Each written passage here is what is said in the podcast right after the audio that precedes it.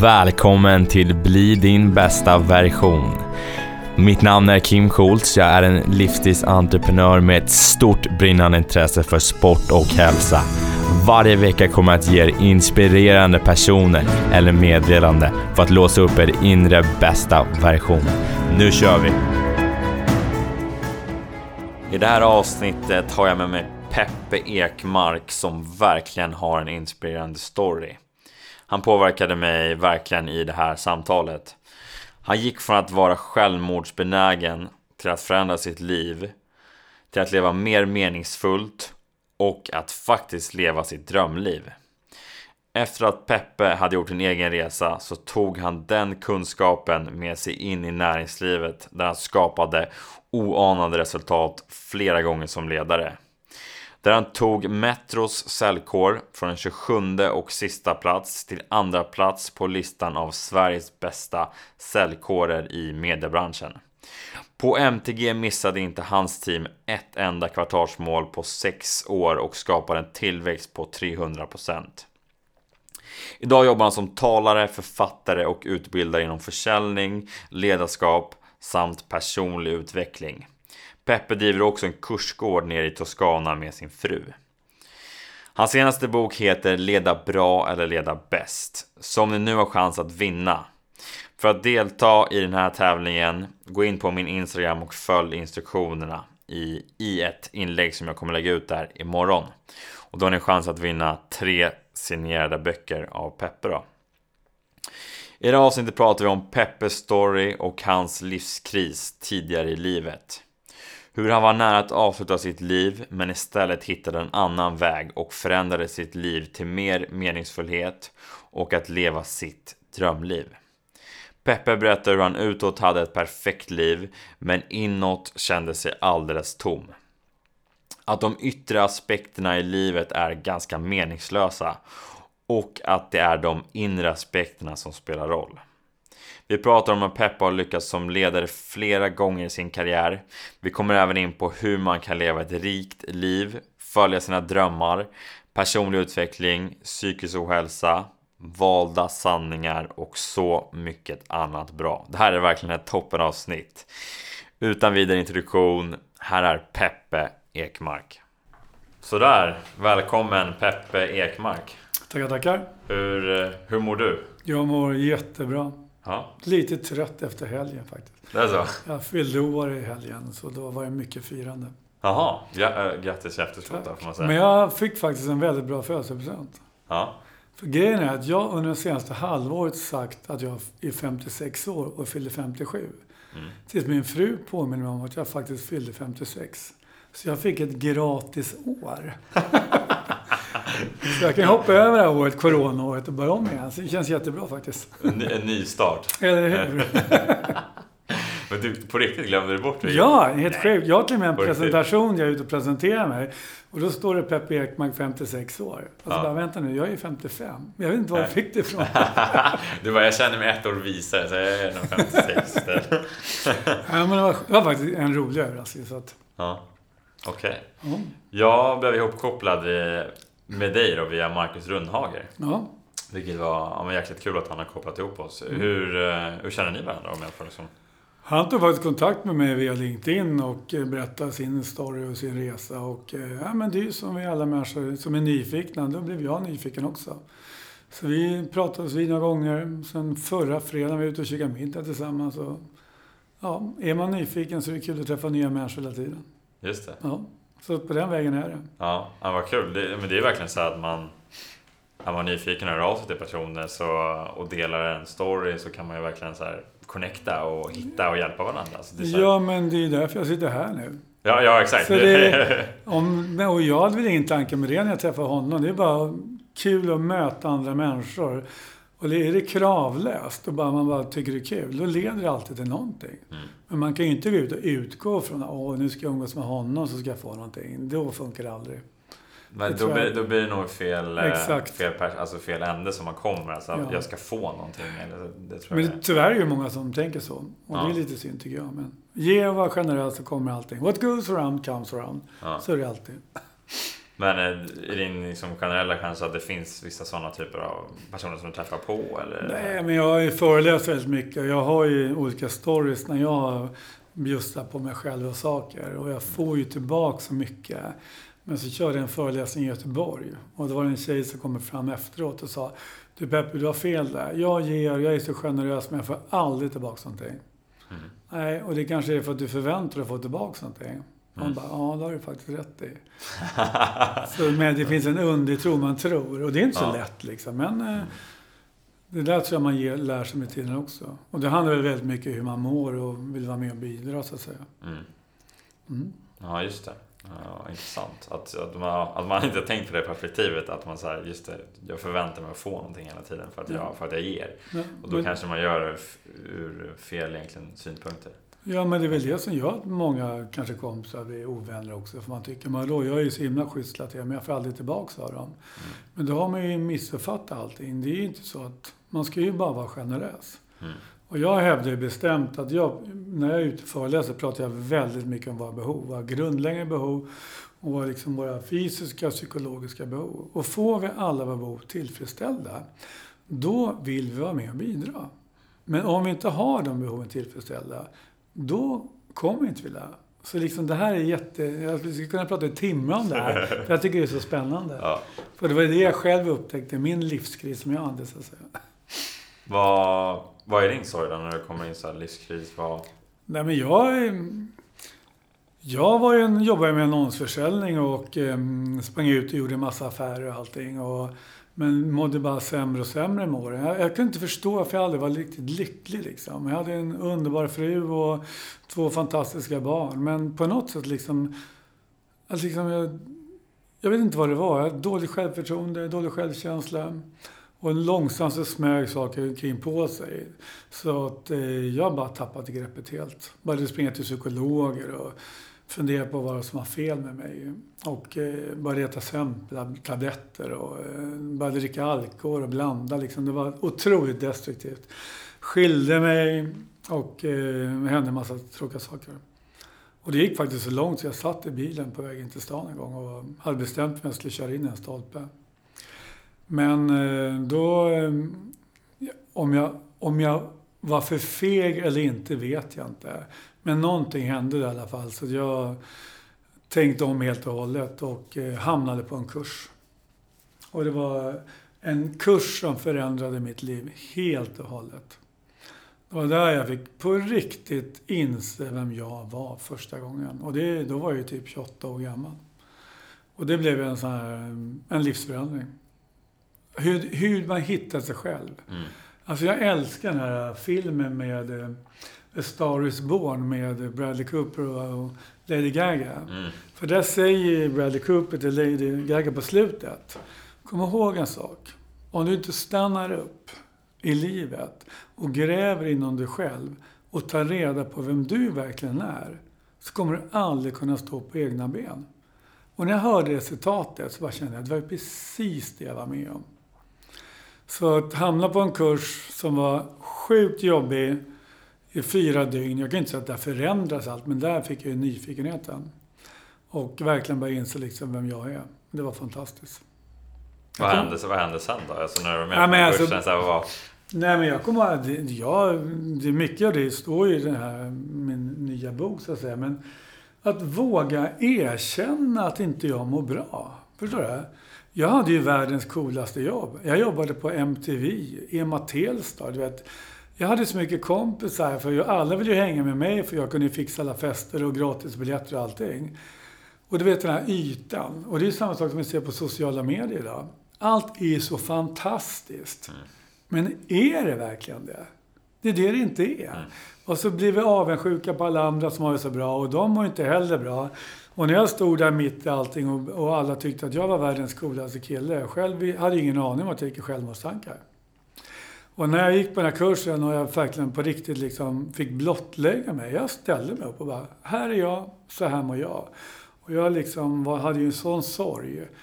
Men när jag gjorde det, då fick ju så... Det var ju en massa andra människor på den här kursen också. När jag ställde mig upp och gjorde det, då vågade de också öppna sig för mig. Och du vet, det blev ett möte som jag alltså än idag så var de fem härligaste timmarna i mitt liv. För det var där och då som när jag stod och berättade om mitt liv, som jag insåg, men vänta nu, varenda människa har ju saker i bagaget. Saker som hindrar oss från att leva livet fullt ut. Och när jag väl förstod det och sen fick höra deras story, alltså jag... Det går ju inte att inte älska alla andra människor. Om du bara lär känna dem. Vi har en förmåga att döma människor hela tiden. Så där, där och då blev jag verkligen nyfiken på liksom, när jag möter dig, vad finns bakom dig? När jag ser en person på gatan, om den är arg eller elak, liksom, vad, vad, vad har hänt bakom där? Döm inte någon förrän du har gått i deras egna fotspår, brukar man säga. Och jag tycker det är fantastiskt. Ja, jag kan, jag kan känna igen mig i liksom den, den storyn som du säger. Jag har också gått en kurs och har precis liknande erfarenhet. Att så här, någon vågade bli riktigt, riktigt sårbar. Mm.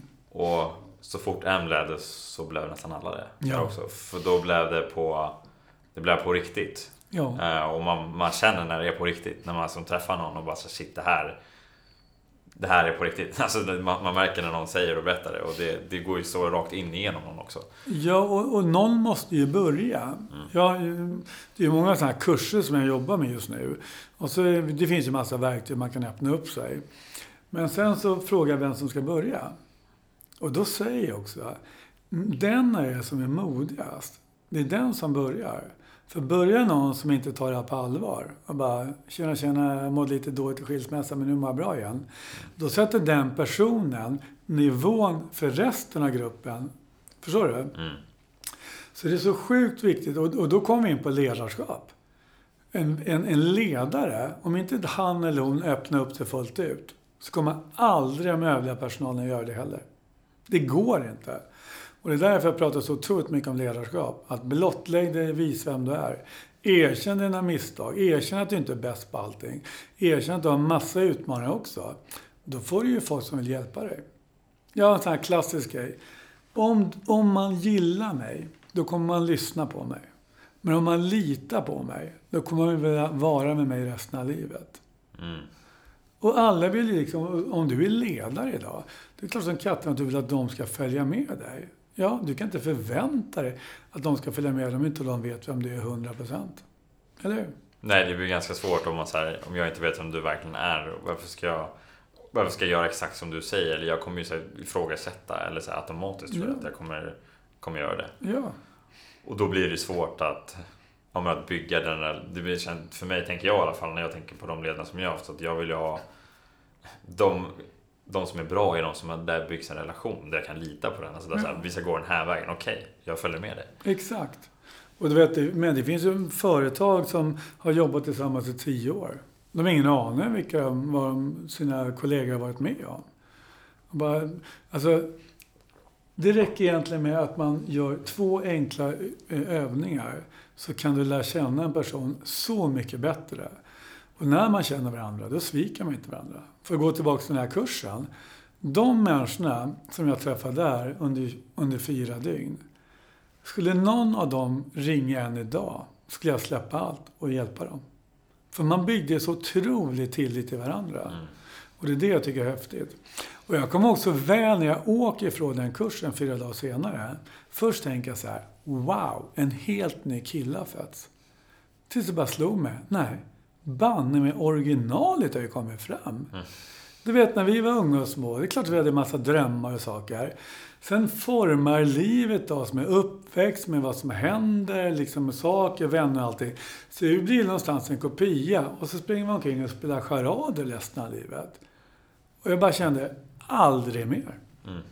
Så med, och jag, jag är övertygad om att de flesta människor kan faktiskt stanna upp lite och fundera på vad är viktigt i livet egentligen. Så att det, det blev ju min... Eh, den motgången blev ju min största framgångsresa sen. Ja, shit vad, vad häftigt att det... Alltså, att en sån motgång gör att så här, det är det som du jobbar med idag. Alltså det är det du yeah. lever och lär ut. Av en, alltså den största motgången någonstans egentligen. Och det, det kan jag känna igen mig i själv också. Jag tror många kan hitta uh, jag tror många kan känna igen sig. Och vissa kanske inte gör för att de inte har accepterat just den motgången. Eller att så här, Men alla har ju sin egen resa på det också. Ja, men det är klart. Och med, det, man brukar säga det som inte dödar det här där. Mm. Men den här resan, men återigen, titta på sociala medier. Med, det var alltså MTV på den tiden. Mm. Alltså det var ett av världens starkaste varumärken. Du vet, när jag kör mina barn till skolan för att skriva autografer. Förstår du? Förstår du liksom hur coolt allting är? Ja. Och det är det som jag är lite ledsen för i sociala medier idag. Det är så otroligt fint och coolt allting. Mm. Men det är inte sanningen. Men det skapar sån stress hos människor. Men jag är ju ändå VD på ett företag som håller på med psykisk ohälsa. Och liksom när jag får höra och föreläsa om att över hälften av alla unga kvinnor idag lider av psykiska, psykisk ohälsa, problem. Hälften kan inte sova. Mm. Alltså vi har ett jätteproblem. Jag har hört att det kommer att pika 2030, den psykiska mm. ohälsan, om vi inte gör någonting åt det. Och jag tycker faktiskt att det här med Corona är bland det bästa som har hänt. För jag märker så många människor som varit stressade som faktiskt har kunnat jobba hemifrån, koppla av, inte åka till jobbet och facetima för att man ska vara där. Och får, får faktiskt mer gjort än man gjorde på arbetsplatsen. De är alltså produktivare hemma? Ja, helt, ja absolut. Varför, varför, tror du att det är så? Nej, för de, de styr med sig själva istället för att någon bestämmer vad de ska göra. Mm. Och det handlar mycket om så här, återigen liksom att om vi får frihet, då kommer vi ta ansvar. Men får vi inte friheten, då tar vi inte ansvaret. Men jag kom in på tidningen Metro till exempel efter den här resan och eh, blev försäljningsdirektör där. Och det var ju en otroligt kul resa för mig. De var ju liksom... Ingenting funkade på den tiden. Och eh, enligt så här mediebranschens tidning så låg vi på 27 och sista plats till exempel. Och så kom jag in och sa jag, jag vill göra på mitt sätt. Det var till och med så VDn sa, men Peppe, du håller bara på med dina velourgrejer, mjuka grejer och allting. Nästan på gränsen till mobbing, men han var inte mm. elak på det sättet. Men vad hände då? Tre månader senare, från 27 och sista plats till andra plats. Att få 60 personer att helt förändra ett synsätt. Där kunderna där ute helt plötsligt insåg, wow, vad har hänt med tidningen Metro? Året efter tog vi första platsen. Då insåg jag att det finns någonting här. Och vad jag gjorde då? Jo, det enda jag gjorde, jag såg till att varenda person, kollega på Metro, fick sina behov tillfredsställda. Vad är viktigt för dig Peter? Vad är viktigt för dig Marcus? Förstår du? Och på det sättet också hitta den här gemensamma. Vilka är vi? Alla pratar om att vi ska bygga varumärken, men det är ingen som säger vilka är vi? Vilka är vi anställda? Känner vi varandra? Nej. Om vi inte ens vet vilka vi är, hur ska vi då ta reda på vad vi vill? Och framförallt vart vi är på väg. Och det då kommer ju in. Ta reda på vilka vi är. Berätta, vad har ni varit med om i livet? Vad, ni, vad vill ni med det här? Då? Är ni här bara för att tjäna pengar eller är ni här för att leva livet? Det är sånt som jag tycker är spännande och intressant. Då någonstans, men då fokuserar man ju på människorna också. Ja, och det är ändå... Alltså, jag blir nästan lite så här upprörd när jag tänker på det. Ja, men bara så här, en, världens enklaste former. Nöjda medarbetare skapar energi. Och det skapar nöjda kunder. Och det skapar och bra omsättning och det skapar bra vinster. Eller hur? Vad är då problemet? Varför lägger man inte ner energi på medarbetarna? Det här klassiska man ofta hamnar i. På Metro och säger så här, hörni, ni måste må bra. Och jag vet att många är småbarnsföräldrar och hinner inte träna. Så vi gör så här, ni får träna när ni vill. Om ni vill träna på morgonen, gå klockan 11, gå på eftermiddagen. Gör vad ni vill. Se bara till att må bra. Må bra. För om ni mår bra så kommer ni prestera. För har en anställd som sitter på jobbet och är trött, gör väl ingen nytta. Stick iväg och träna en timme. Ni vet ju själva, du får ju så mycket energi av det. För jag märkte ju själv att när jag stack iväg och tränade, jag är ju, alla människor har ju sina olika rutiner. Men vad hände då? Jo, det är klart att folk blir gladare och piggare också. Och framförallt gav jag mig frihet. Mm. Alla människor som får frihet kommer att ta ansvar. Det är min... Jag är så övertygad om den saken. Varför tror vi varför tror att företag är så benägna att man inte ska ha frihet då? För det känns, alltså det, känns som, när jag tänker på min arbetsplats, så de har har inte fått frihet. Nej. Alltså det är så här, du ska vara här de här timmarna, ja. du ska göra de här jobben, alltså, du ska ha en halvtimmes lunch, la la la, alltså här, du ska göra på det här sättet. Ja. Det, det känns ju som Men det, jag- det, jag- det är liksom normen. Om jag ska vara Men jag där. säger så här, det är, det är dåligt ledarskap. Och jag säger så här, det finns inga dåliga chefer. Men däremot finns det väldigt många osäkra människor som blir ledare och chefer. Och det handlar om att de inte förstår själva. Men det är så här, du måste, om du ska kunna må bra, om du ska kunna leda andra, då måste du kunna leda dig själv först och främst. Och många kan ju inte ens leda sig själva. Hur ska man då kunna leda den andra? Men när du förstår, när du, ja, men jag mår ju bra av att träna. Jag mår ju bra av att tänka på hur jag ska tänka, mina tankens kraft och allting. Om jag då kan göra det och låter de andra få samma frihet, då kommer de också blomstra. Så liksom, jag, jag tror att det finns så mycket mer att göra med ledarskapet i, i hela världen faktiskt. Och folk som styr, styr de andra, det handlar ju själv om egna rädslor. För man vet inte hur man ska göra. Och då gör man det primitiva som man alltid har gjort. Man pekar med alla handen, man kollar tidklockan och allting. För man vet inget annat sätt.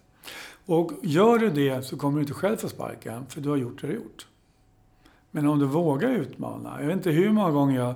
Men du vet, jag gick in på MTG och sa, du, jag inser den här gruppen, vi var en grupp på MTG som jag ledde i sex år. Och så sa jag så här, hörni, det här funkar inte om vi ska bygga ett starkt team. Då måste vi liksom ha en gemensam budget. Vi kan ju inte bygga ett team med alla mäts individuellt på säljkåren. Du hänger med vad jag menar? Så vi har en gemensam budget. Så jag springer in till chefen och säger, du, jag vill att mitt team ska ha gemensam budget. Och han vägrar. Och jag förstår varför han vägrar, för han, han måste ju ta konsekvenserna uppåt också. Men jag kände så här, finns det inte på världskartan att inte jag gör det här? Så jag gick till mitt gäng och sa, hörni, jag har fått igenom ett nytt lönesystem. Vi mäts in, gemensamt från och med nu. Tre år senare så upptäckte ju de att det var något fel. Och då var jag ju självklart inkallad. Men jag sa så här, innan vi går tillbaka till det gamla, kan ni visa mig en enda avdelning som har haft tillväxt under de här tre åren? Förutom min avdelning, som har haft 300% tillväxt. Vad hände då? Helt plötsligt började alla avdelningar jobba med det. Men det sitter så mycket rotat djupt hur vi ska vara. Förstår du? Mm. Ja, alltså, vi, vi, vi lever enligt våra valda sanningar. Men Mm. börjar vi tänka lite själva, vad mår vi bra av? Det är klart vi vill hjälpa varandra. Jag, ja, det är vad jag tror på. Va, varför tror du... Alltså om man tänker så här, att organisationer inte vill ta till sig det här. Vad, vad ska man göra om man är en ledare och säger så här, "Ja, men jag vill också ha en gemensam budget. Hur, hur, ska man, hur ska man få till det? Eller vad är ditt råd där? Nej, men du, först måste du tro på dig själv. Ja. Det det är förutsättningen. Det är så här, allt är möjligt, bara du själv tror på det. Om du själv tror på det och är beredd att göra det som krävs. För när du bryter nya mönster, går nya vägar, det tar kraft och energi.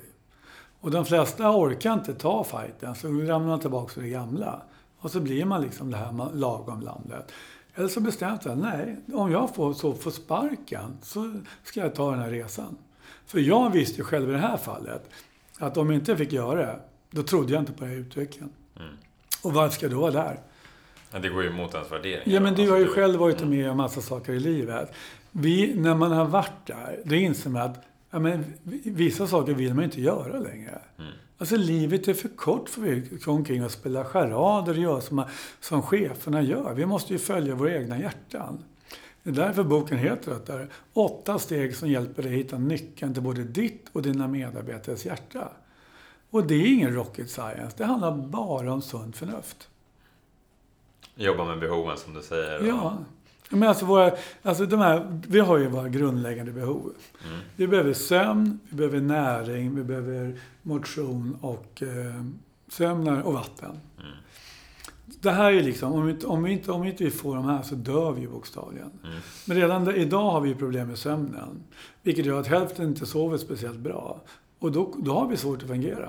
Men vi leker med tankar att de funkar. Men då har vi våra psykologiska behov. Vi behöver utmaningar. Vi behöver trygghet. Vi behöver gemenskap. Vi behöver delaktighet och, eh, och eh, ja, någonting. Jag kommer inte ihåg vad det var just nu. Det finns ju massa fler så att Mm. säga. Men om vi inte får de här behoven tillfredsställda, det är då vi kommer hem och är griniga. För du vet till exempel, om du, om du är törstig, Mm. hur känns det i din kropp? Ja, men jag känner mig uttorkad, jag är torr. Ja. Läpparna är Du- torra. Eller så här. Vilket kroppen säger att du behöver vatten. Mm. Om du är trött till exempel, då behöver du liksom sömn. Mm. Men om du saknar utmaningar, hur känns det i kroppen då? Ja, men det känns ju inte lustfullt. Alltså, Nej. Så här, jag, jag, vill- jag kommer ju, det är för enkelt. Alltså, så här, jag behöver inte ens tänka på... Nej, och det, det leder till att du kommer att bli irriterad och grinig och allting. Och så undrar man varför det blir så mycket bråk på arbetsplatserna. Ja, men vi får ju inte vara otillfredsställda. Enligt Gallups senaste undersökning från 1917, 19, 2017, förlåt. 85 procent av alla svenskar går till en arbetsplats och är aktivt o, oengagerade eller o, omotiverade. Ja, det är ju... 15 procent går till jobbet engagerade. Alltså snacka om att kosta, kasta bort våra liv.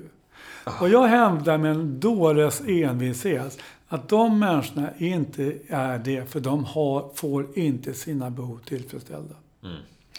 För det bästa är att när du får alla dina behov tillfredsställda, vad händer då?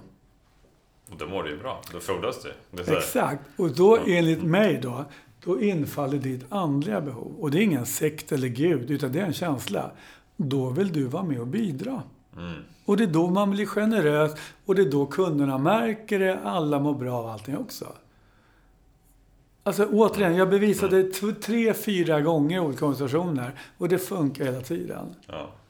Och, och det är det jag säger, men då måste du också själv ha lite ganska mycket självinsikt om dig själv också. Mm.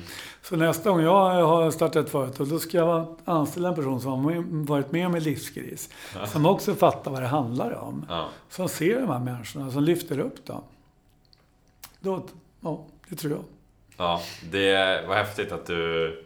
Alltså dessutom att du, du har gjort resan också. Alltså, du har genomgått en, en resa själv där du liksom har haft de här utmaningarna och sen förstått vad det handlar om och sen implementerat det i liksom, mer att jobba med människor. Det tycker jag är jäkligt häftigt. Alltså det är ju det är svar på tal också. Alltså det, det, det, Nej, men jag, ingen, alltså, ja, men ingen kan eh, säga att det där är fel. Ja, men vänta nu, det här är ju min upplevelse. Och jag har ju varit med om det, jag har ju bevis på det flera gånger också. Mm. Men sen finns det så mycket andra saker här med, vi pratar psykisk ohälsa och... Ja, ja, ja, det är klart att det är inget bra att gå in i väggen. Men ibland när man kommer så långt, då är det svårt att stoppa. Då kan det faktiskt vara bra att det händer. Förstår du? det? För det är då man får uppvaknandet. Jag har ju massor av nära relationer som liksom har hamnat gått in och berömda väggen. Som faktiskt har vågat förändra sitt liv efteråt. Och det är det som jag tycker är lite coolt också. Mm. Så att det handlar om att när man möter de här människorna som är lite vilsna, att man kanske ska provocera lite mer också. Det är samma sak när vi coachar människor. Att man ofta är så här snäll och medgörlig. Jag är ledsna på det. Så när jag träffar människor, jag kan till och med skälla ut dem. Men jädra vad det händer saker då. Så jag till och med registrerar en domän som heter arga coachen till slut. och jag gör det inte för att vara elak. Jag gör det bara för men snälla vakna upp lite. Men- För det var det som var mitt utmaning. När, de, när jag mådde dåligt, då gick jag till massa människor. Och de var så åh hur mår du? Kan du inte berätta om din bakgrund? För att det funkar inte för mig. Nej. Men sen träffade jag en kille som hade den här kursen. Han heter Johan Ekenberg. Han är helt magisk. Han bara så här, Peppe, nu är det som det är. Du kan inte göra så mycket åt det gamla, men nu måste vi fokusera på framtiden. Och så sa du ska gå på den här kursen. Och jag bara, okej. Men det blev bra. Men oftast är det ju så, alltså de coacherna som de ska ju vara jobbiga. Alltså de ska ju Ja. få dig att tänka till och de ska få dig så bara utmana dig någonstans. Alltså det är ju då, du, det, är då det händer någonting. Om du bara så här, ja, mesar runt inom situationstecken och bara hur mår alltså så här, Det kommer ju inte leda till den faktiska utvecklingen. Du behöver ju, alltså utveckling är ju oftast ganska jobbig. Alltså, så här, jag- Det är skitjobbigt. Ja, alltså du, du måste ju kolla på din egna alltså dina svaga sidor. Ja. Det här är inte bra. Det här har gått åt helvete eller det här är liksom på riktigt inte bra. Nej, och med just den här resan, eh, kursen. Alltså jag låg, det var säkert 40 gånger jag tänkte så här, ja, men nu, nu hoppar jag i bilen och åker hem. Jag tänkte, ja men fem minuter till, fem minuter till, fem minuter till. Ja. Men till slut så blir det ju liksom, eh, ja, det blir ju bra så att säga. Och jag, alltså, han sa en väldigt bra, han sa två bra saker som jag har lärt mig. När, när det händer någonting i livet, då är det faktiskt livet som kommer till dig för att lära dig någonting. Om du springer därifrån, då har du inte lärt någonting. Men om du stannar upp och verkligen funderar på vad som händer nu och tar tag i det, då kommer du ta nästa steg i din utveckling. Och jag tyckte det var så fantastiskt bra han sa. Och nummer två, så fort det är jobbigt i livet, så fort någonting känns jobbigt, gör det.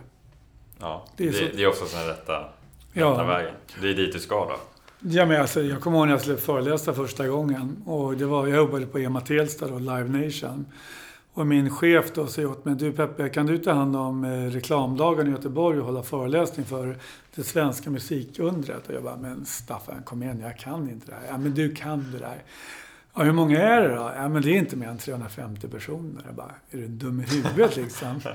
Men då sa han så här, men Peppe, gå in och träna. Så jag låste in mig i konferensrummet. Tränade en hel vecka bara. Jag kunde varenda grej. Och sen åker jag ner till Göteborg och liksom, det är massa föreläsare innan och sen så är det min tur. Och jag vet, jag ser det liksom, folk står ju på sidan om. Det är minst 400 personer. Och jag bara tänker så här, snälla, kan inte brandlarmet gå? Jag vill inte. Men så hade jag ju precis gått den här kursen då, så jag, om blottläggning. Så jag bara går in på scen och jag säger så här, hörni, helt ärligt. Det är första gången i mitt liv jag står här. Alltså jag är så sjukt nervös. Kan ni inte bara vara lite snälla mot mig? Och liksom, då fick jag ju sympati. Och sen så körde jag efter fyra minuter och kände att jag kunde det här. Och efteråt fick jag så otroligt mycket hyllningar. Det var där då jag kände att det här är ju faktiskt kul. Sen tog det ju hundra gånger till också. Och det, det som jag tycker är roligast när jag föreläser idag, många föreläsare, och det är kul, många behöver så här pepp och inspiration och det är så här efteråt. Men det, mina föreläsningar slutar alltid med att det är väldigt få som applåderar. Och det, när jag frågar, har ni några frågor, så är det ingen som har. Men sen kommer då 50 mejl efteråt. För jag vill att folk ska tänka till. Ja, det är det viktigaste för mig, att folk får insikter och funderar på liksom... Det är någon folk som säger ah, I didn't expect, expect that. Då känner jag wow. Det, men exakt, du är nog förmodligen då tänker jag, då har man fått marinera lite. Då har du satt någon, alltså några tankar i deras huvuden. Ja. Och då tror jag att man inte heller, som du säger, det blir inte några applåder. Utan det kommer senare då. Ja, men det är klart de applåderar. Men ja, det är inte jo, jo, men... wow vad kul. Utan det är, jag vill inte med. Det finns massor Det är inte det det handlar om. Nej, min, min, min, min önskan det är att folk ska bara, ja men herregud, varför tänkte jag inte på det? Mm. Varför håller jag på med? Det är samma sak som folk är oengagerade och går till jobbet, så skyller de på företaget. Jag säger bara, aldrig. Det är lika mycket ditt ansvar. Alla tror att det är chefen som har ansvar. Det är allas ansvar att vi ska må bra. Så är det. Ja, men alla har ju ett eget ansvar att, så här, ta hand om sig själv och, och utveckla sig själv. Ja, och... Men det gör ju inte alla heller. Nej, nej, nej. Det finns många som inte, som inte gör det. Tyvärr. Nej. Det är, och det är jäkligt synd. Det oftast blir det att man inte ja, men gör saker som man mår bra av. Då, eller? Ja. Jag tänker tillbaka på mig själv i alla fall. Så här, när jag inte tog hand om mig själv då gjorde inte jag bra saker. Jag var ute på krogen och, mm. och liksom söp. Och jag hade inte meningsfulla relationer för att jag aldrig vågade öppna upp mig. Mm. Och då kände jag att jag inte hade något värde. Jag var inte meningsfull. Eh, jag kände skam.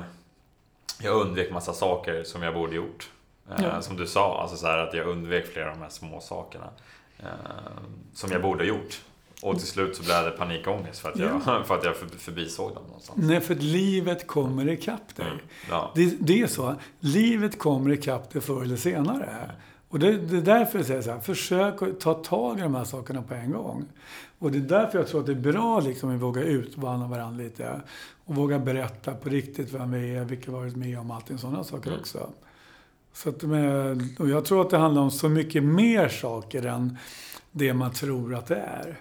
Det här låter lite flummigt, men jag jobbar ju mm. väldigt mycket med frigörande andning också. Mm. För att men, du har ju saker som du vet har hänt, som hindrar dig. Men det finns ju massa saker som har hänt också, som du har förträngt. Mm. För våran hjärna är ju fantastisk på, på att blockera saker också. Men genom att plocka fram de sakerna, då får man en helt annan förståelse för varför man är som man är. Och jag, jag var sjuklig. Jag var otroligt nervös. Jag hade världens sämsta självförtroende. Jag satt längst bak i klassen. Jag vågade inte... Om fröken ställde en fråga så gömde jag mig alltid. Vilket ledde till att jag fick gå om två gånger för fröken sa aldrig att jag var i skolan. Men jag var i skolan. Men jag var så blyg.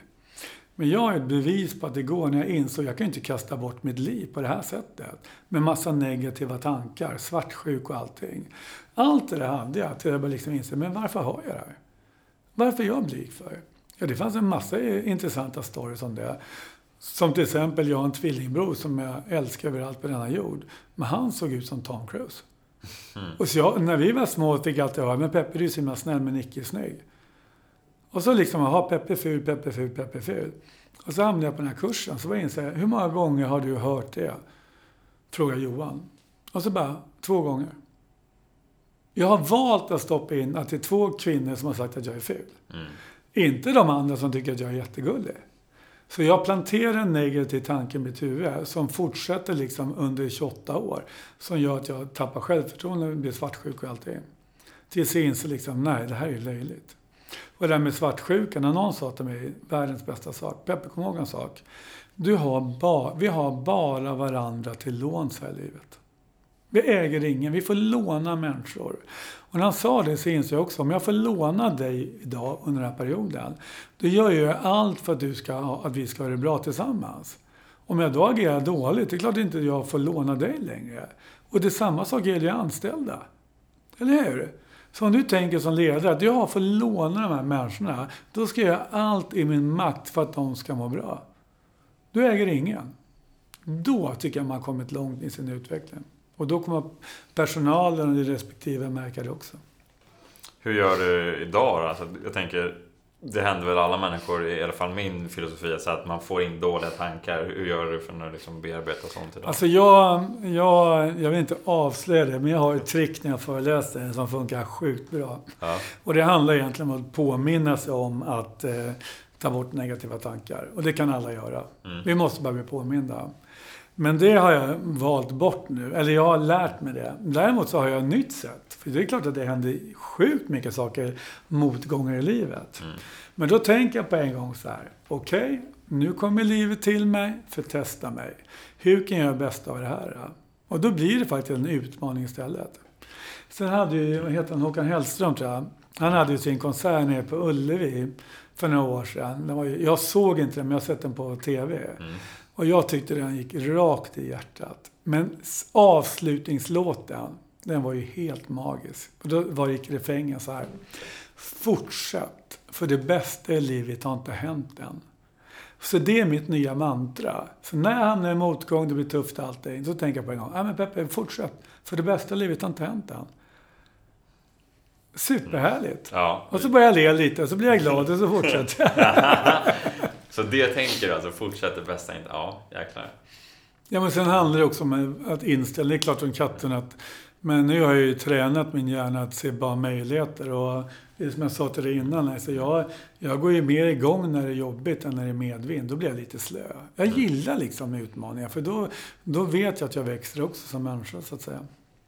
Ja, men det är då man det är då man egentligen bygger sin karaktär, tänker jag. Alltså, ja. Det är då man blir bättre. Alltså ja. när det kommer en utmaning eller en tuff tuff grej. Alltså, det kan vara svårt att inse just i, i den situationen ibland. Alltså, vad fan händer det här mig för? Alltså, så här, just då. Ja, och, eller om man inte varit med om det, tänker jag. Ja, eh, nu idag så tänker jag lite samma sak som dig också. Mm. Så att, nästan så här, ja men det här kommer få mig bättre. Ja. Hur, hur, vad kan jag lära mig från det här nästan? Alltså, så här. Ja, men tänk så här. Om du hamnar i en situation, vad är det värsta som kan hända? Ja, det Ja, men, ja, det vet jag för inte. Vad det nej, alltså, ja, men att, jag, att jag lär mig någonting. Det är väl det bästa snarare. Nej, men alltså det finns ju massa saker liksom. Men jag har varit med om två konkurser. Jag har varit med om nästan en personlig konkurs. Ja. Det var sjukt jobbigt en period i livet. Men när jag tänker efter. Det var nog under den perioden som jag och min fru nästan hade bäst. Vi har det superbra nu med, men förstår du? För då började vi liksom tajta ihop oss. Liksom, det här fixar vi. Men med, många tror att det är pengar som är lycka. Det är klart att med pengar du kan du förverkliga saker. Men alltså nu när det är tuffa tider. Men ja, det är utmaningar också. Men liksom, du vaknar varje dag. Du har en ny, ny dag att kunna fylla hela tiden. Och så väljer vi att drömma saker som kanske vi vill ha senare, men glömmer bort nuet också. Sen tror jag att det är superviktigt att leva sina drömmar. Det är mitt stick, sista steg i min bok. Att verkligen våga leva sina drömmar. Och där måste jag nästan tacka min bror Johan. Som, för när jag gick med de där självmordstankarna och mådde dåligt, då åkte jag ner till Italien. Och då, mm, han, han är ju superhärlig min bror. Och då sa min jo, Johan till mig så här, Peppe, sätt upp en dröm i livet. En dröm som du verkligen vill ha. Och min dröm, det blev att jag en dag ville ha ett hus i Toscana. Och förra året så förverkligade jag och min fru en, en, nästa dröm. Så vi driver idag en kursgård i Toscana. Och det är verkligen för att liksom, min dröm där, det är ju bara att få ner människor, prata om ledarskap, personlig utveckling och bara få folk att må bra och inse vad mycket mer det finns. Och det är jag ju sjukt stolt över. Så nu min, det, och det här också, nu kommer min fru säkert bli jättearg på mig, men hon eh, satt ju på ett jättefint jobb, IT-chef och allting på ett dotterbolag till ett, ett finansbolag, eller försäkringsbolag. Och eh, fick en ny chef. Hon hade världens bästa chef, så härlig kille, eller man. Och så kom det en ny chef in i bilden som eh, inte alls var lika bra. Och det slutade med att hon liksom gick in i berömda väggen och mådde skitdåligt. Och då åkte hon ner till Italien ett tag. För jag sa åt henne, åk ner och fundera på vad du vill. Och så kom hon hem och sa, Peppe, jag vill inte mera livet längre. Jag har gjort mitt nu. Jag har ju bara kämpat på. Och jag inser att det inte är här som får mig att må bra. Så då fattade vi beslutet faktiskt att eh, belåna huset i Sverige. Liksom. Vi har aldrig haft så mycket lån som jag haft i mitt liv. Och eh, så hittade vi den här gården och sen flyttade hon ner. Så hon är skriven i Italien nu också. Okej. Så nu ska jag åka ner på onsdag. Jag, under coronatiden var det faktiskt lite jobbigt för då var hon inlåst i Italien och inlåst i Sverige. Så vi sågs inte på drygt tre och en halv månad. Men, men, när vi sen träffades, då var det ju magiskt. Och sen nu åkte jag hem första september och ska åka ner nu på onsdag. Och så ska vi, nu ska vi faktiskt skörda oliver. Okej. Okay. Så liksom, då kan man säga så här, sitter man och skryter nu? Nej, jag har valt att leva mina drömmar. Jag får chansen liksom att göra med min fru att skapa något helt nytt i livet. Och samtidigt som jag kan hem och föreläsa och jobba med mina utbildningar också. Det, det, är, det är häftigt att man kan, kan uppfylla sina drömmar. Alltså ja, alla, alla det är kan det. Alla kan det. Och jag tror till och med att folk, varför, många säger så här, men jag har inga drömmar. Folk har drömmar, men de är livrädda. För tänk om de inte vågar uppfylla dem. Men det är bara att bestämma sig. Och det kan vara med alla, det behöver inte vara en kursgård i Toscana, det kan ju vara vad som helst. Det kan vara liksom om man kan köpa ett hus eller segla jorden runt. Alltså det är vi själva som är den största motståndaren till livet. Det är ingen annan som är det. Sen är det klart att det handlar om mod och sådana saker också. Men jag, jag har bestämt mig att jag vill leva livet fullt ut. Det är viktigt för mig. Vad tror du att det har varit det viktigaste då för att du ska kunna uppfylla liksom, den drömmen eller dina drömmar? Vad skulle du säga till någon som... Nej, men att verkligen på riktigt bestämma för vad man vill med livet. Och då säger jag, jag har inga mål. Nej, men okej, vad vill du inte? Mm. Den tycker jag är väldigt bra. Vill du... Men det kan handla om att man lever i en dålig relation. Som många tyvärr gör. Och då kan man säga, men varför är du kvar då? Ja, men det känns tryggt, jag vet inte vad jag får. Och folk är ju livrädda för förändringen. Men det är ju när du vågar öppna en ny dörr det är då möjligheterna finns. Men så länge du inte öppnar den dörren, då kommer du inte veta vad som finns bakom. Så men jag tycker vi ska öppna mer dörrar och se vad som finns på andra ställen också. Men mår vi bra, och jag tänker inte sitta här och uppmuntra folk att göra något annat i sitt liv, om vi mår bra. För de som mår bra, njuter och har liksom allting fantastiskt, ja men fortsätt med det. Vi vill något mer. Har du några, har du några frågor som du ställer dig själv så här, på daglig basis eller något som du så här, återkommer till? Nej men det är klart som katten att eh, livet är en utmaning hela tiden. Nu i coronatider så, du vet jag lever ju på mina föreläsningar och utbildningar och så helt plötsligt tas allting bort. Mm. Men då har jag ju fått en, en del eh, förfrågningar att hjälpa företag att komma igång med deras försäljning och ledarskap och allting. Så just nu har jag fått lite för mycket på mig och det märker jag. Men, eh, men då sätter mig som jag satt i söndags nu och tänkte så här, men vänta nu, nu har jag tackat, tackar jag lite för mycket. Och då måste vi börja välja också. Mm. Så att, och det är därför det ska bli så skönt att åka ner till Toscana nu. Plocka lite oliver och fundera på livet. Få, få lite distans och lite så Ja, men alltså jag har ju förmånen att mm Alltså Italien, det är min, mitt andningshål. Att sitta där liksom, ta en promenad med vår hund Alba liksom. Alltså det är så sjukt. Min fru tyckte vi skulle skaffa hund. Jag bara, men Lena, ska vi verkligen ha hund liksom? Ja men ta, skaffa hund då. Och jag bara, det är det bästa som har hänt. Vi får inte säga till någon, men jag längtar ju mer efter Albin efter min fru. Liksom. Hoppas inte frun lyssnar på det här. hon vet att jag älskar henne. Så det var någonting oväntat som hände där. Så att det, Ja, ja, gud ja. ja men, det, men det är klart att det, jag har märkt att hon vill ju ha en hund. Men jag kan ju inte hindra henne från att skaffa en hund. Det är också en sån här grej. Liksom, vi hindrar människor från att göra det vi vill göra. Alltså Christer Olsson, han föreläsaren, han, han har ju sagt världens bästa sak. Han sa så här. Kom ihåg en sak. Jag kom hem till min fru och sa, jag älskar min fru till 80 procent. Resten har jag lärt mig att leva med. Och jag tyckte det var så bra sagt, så jag gick hem till min fru och sa, du Lena, jag älskar dig till 80 procent. Resten kan jag faktiskt leva med.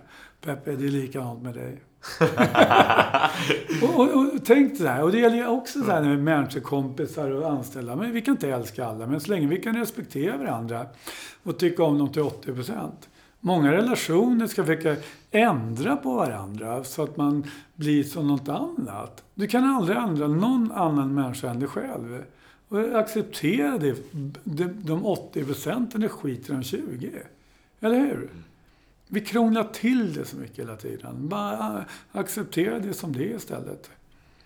Men som sagt, jag tror att har man varit där längst ner och mått dåligt och gått i självmordstankar, då blir man ganska ödmjuk också inför livet. Har du blivit något mer, känner du mer om åren där som du så här, har blivit mer ödmjuk inför? Eller som du så här... När jag är inför livet och människor jag möter. Jag tycker också det är intressant det här med, eh, med när man möter människor. Och många människor dömer ju människor väldigt snabbt.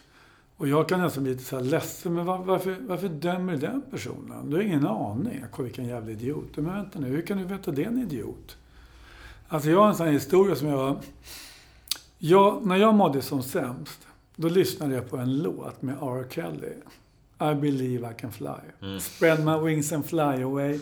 Alltså den, det, det blev ju liksom min, mitt livselixir. Alltså jag mådde så bra. Jag såg videon och allting.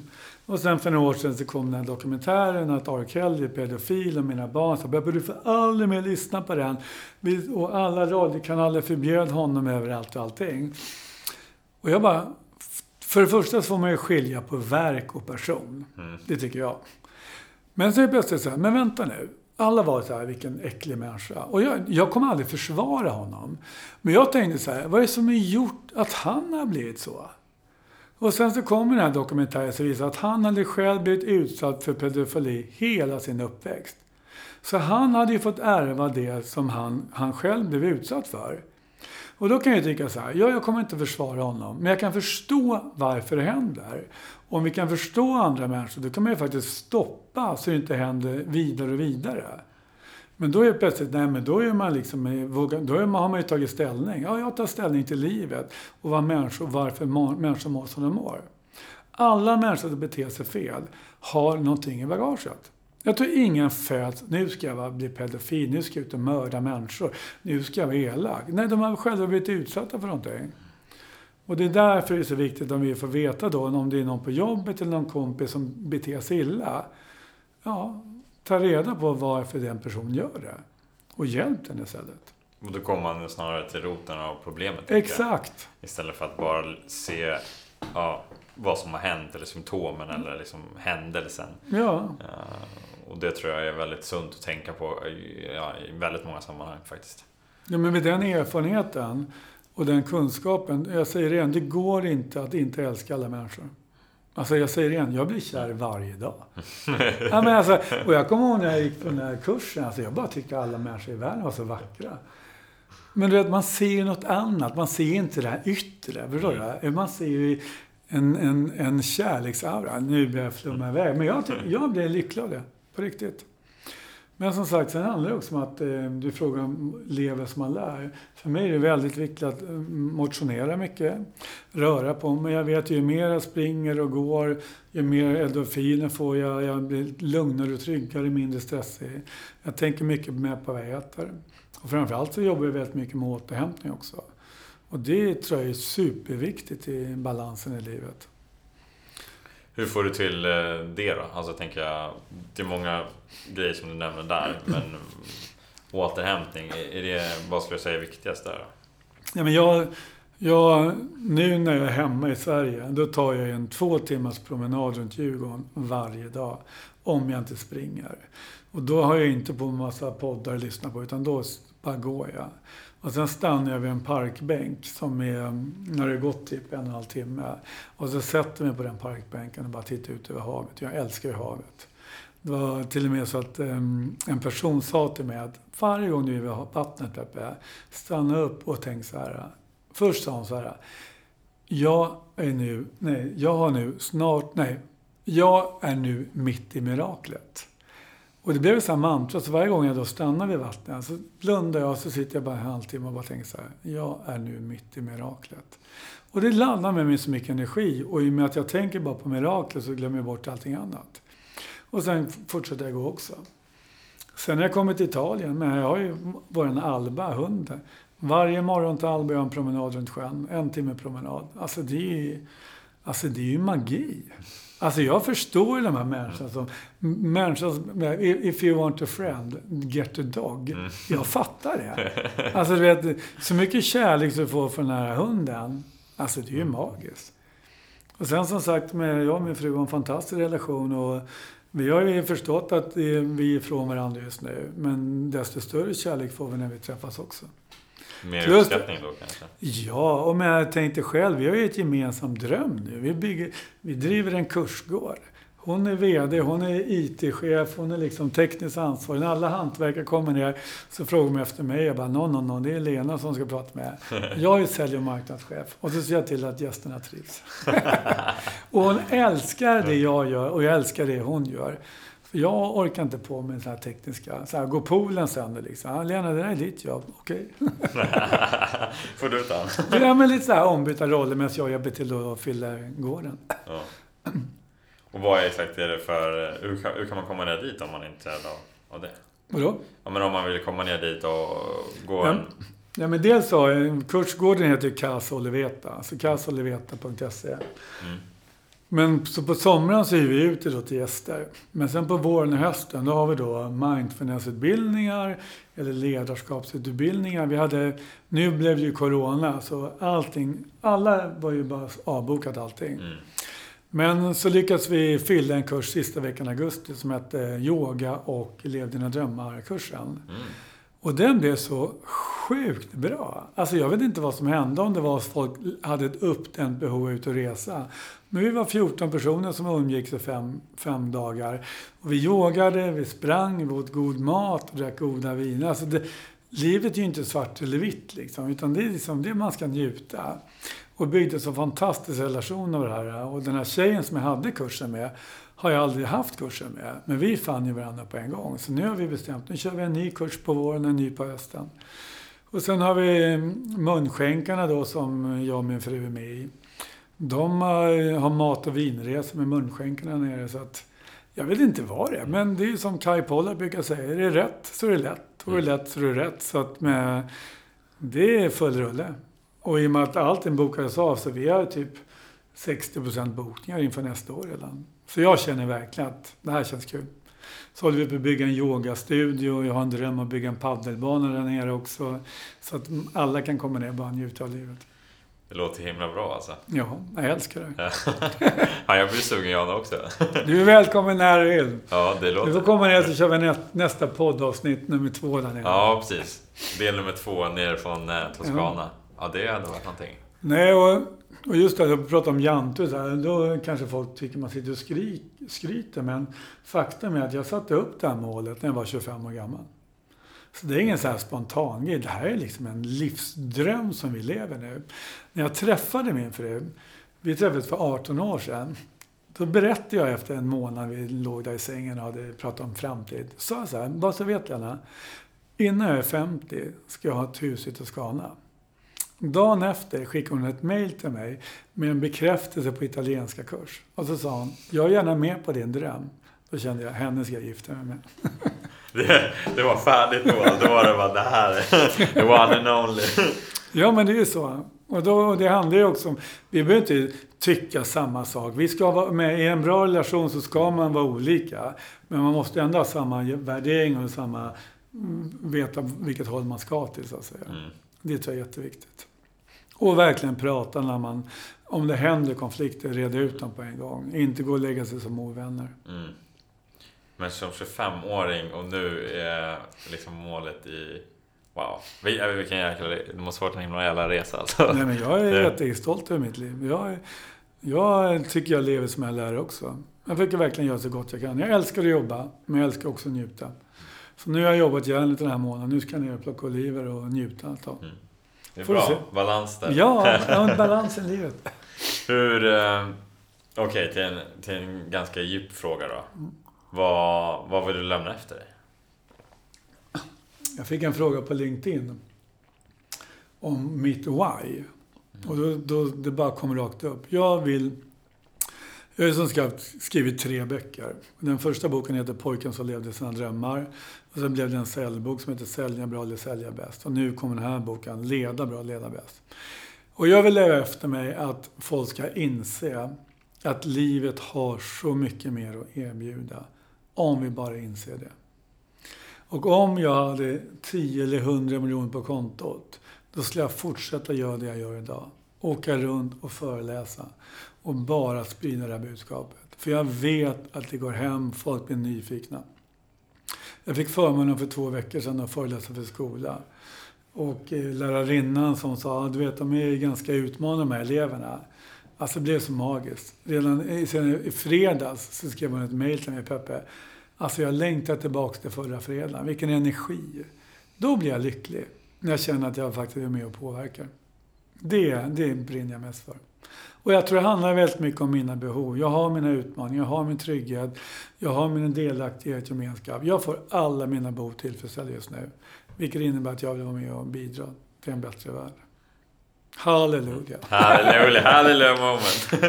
Men för att, eh, du nämnde i din bok, vi pratade om det lite innan, att vi tänkte dela ut tre stycken. Ja. Eh, köra en tävling. Jag tänkte att vi kör det på, på min Instagram. Mm. Så kan man vinna tre ex av din senaste bok. Leda bra eller leda bäst. Signerade. Signerade också, signerade. Precis, mm. snyggt. Bra att, du, bra att du sa det. Eh, så det får hålla utkik. Det kommer om ungefär, ja men i samband med när vi släpper den här podden då. Mm. Så ja, gå in på min Instagram, Kim Schultz eller bli din bästa version så kommer ni kunna ta del av, av det. Men till sista frågan då. Eh, hur, eller inte hur, nu, kommer jag, nu är jag på att ändra frågan här. Men hur tycker du att man lever ett bra liv? Hur lever man då? Nummer ett, så ska man ta hand om sig själv. Se till att må, röra på sig och må bra.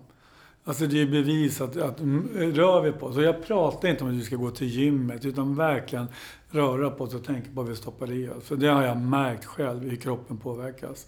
Och sen tror jag att det är så viktigt att, med, nu blir det lite partiskt här, men jag valde ju att följa mina åtta steg. Och jag tog ju fram åtta steg. Och jag har ju bevisat genom åtta stegen så går det att leva sina drömmar. Och varenda gång jag får en ny utmaning så tar jag fram mina åtta steg. Så jag tror det handlar om att bestämma sig vad man vill i livet. Ta ett steg tillbaka. På Metro, då, då stannade vi upp i två veckor. Ingen fick gå på ett enda kundbesök i två veckor. För att vi bara skulle stanna upp och fundera på vad vi vill med livet. Folk stannar inte upp, man bara kör på. Jag säger det, stick iväg och bara sätt dig och ta det lugnt ett tag. Då kommer du fundera på det. Och sen bara, när du väl vet vad du vill, följ den resan du ska leka med livet. Det är inte livet som ska leka med dig. Det brukar jag säga. Där har vi det. Tack, mm. tack så mycket för att du var med. För, och tack för ett jäkligt inspirerande och intressant och ärligt samtal. Tack för att vi komma. Superhärligt. Ja, tack så mycket. Tack. Vad tyckte du om det här avsnittet? Vilka insikter fick du? Kände du igen dig av någonting som det jag och Peppe pratade om? Låt oss veta vad du tyckte om det här avsnittet. Eh, connecta med oss på sociala medier. Kim Schultz heter jag på, på alla medier du kan tänka dig. Och sen har vi Peppe Ekmark som också, ja, Instagram, Facebook och så vidare. Eh, låt oss gärna veta vad just du tyckte om det här avsnittet. Eh, ha det bra alla, ha det bäst!